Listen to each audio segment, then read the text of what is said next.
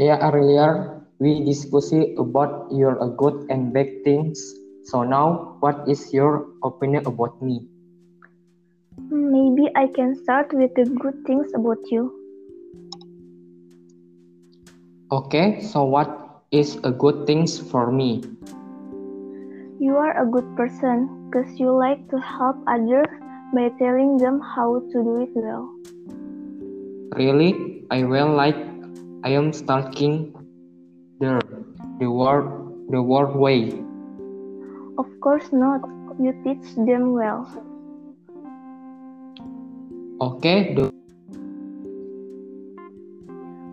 I think you are a daring person to express opinions in a group or discussion.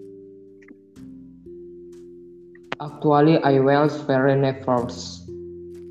Oh, you don't look nervous at all. because I am trying to be, be brave.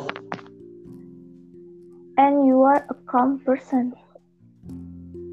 Actually, at home I am very noisy person. Really? I don't know about that, huh?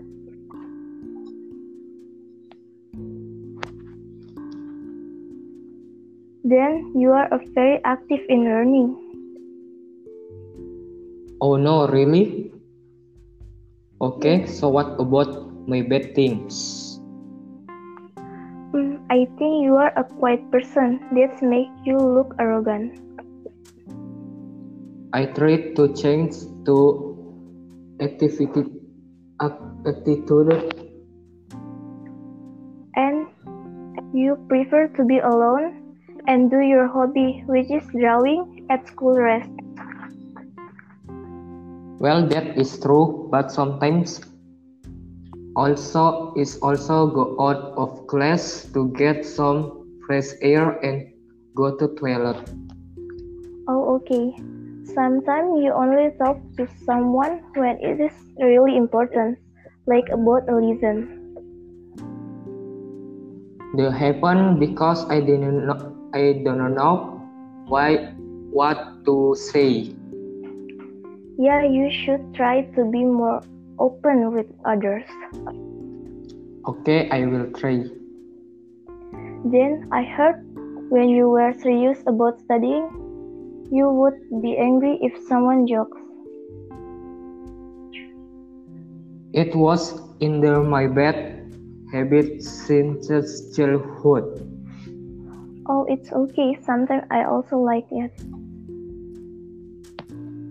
And the last, And the last, I'm not sure there is a bad thing, but when you a joke, sometimes it's not funny.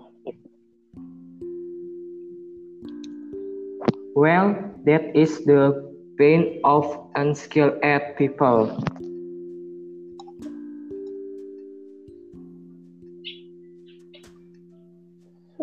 Thank you for listening our podcast.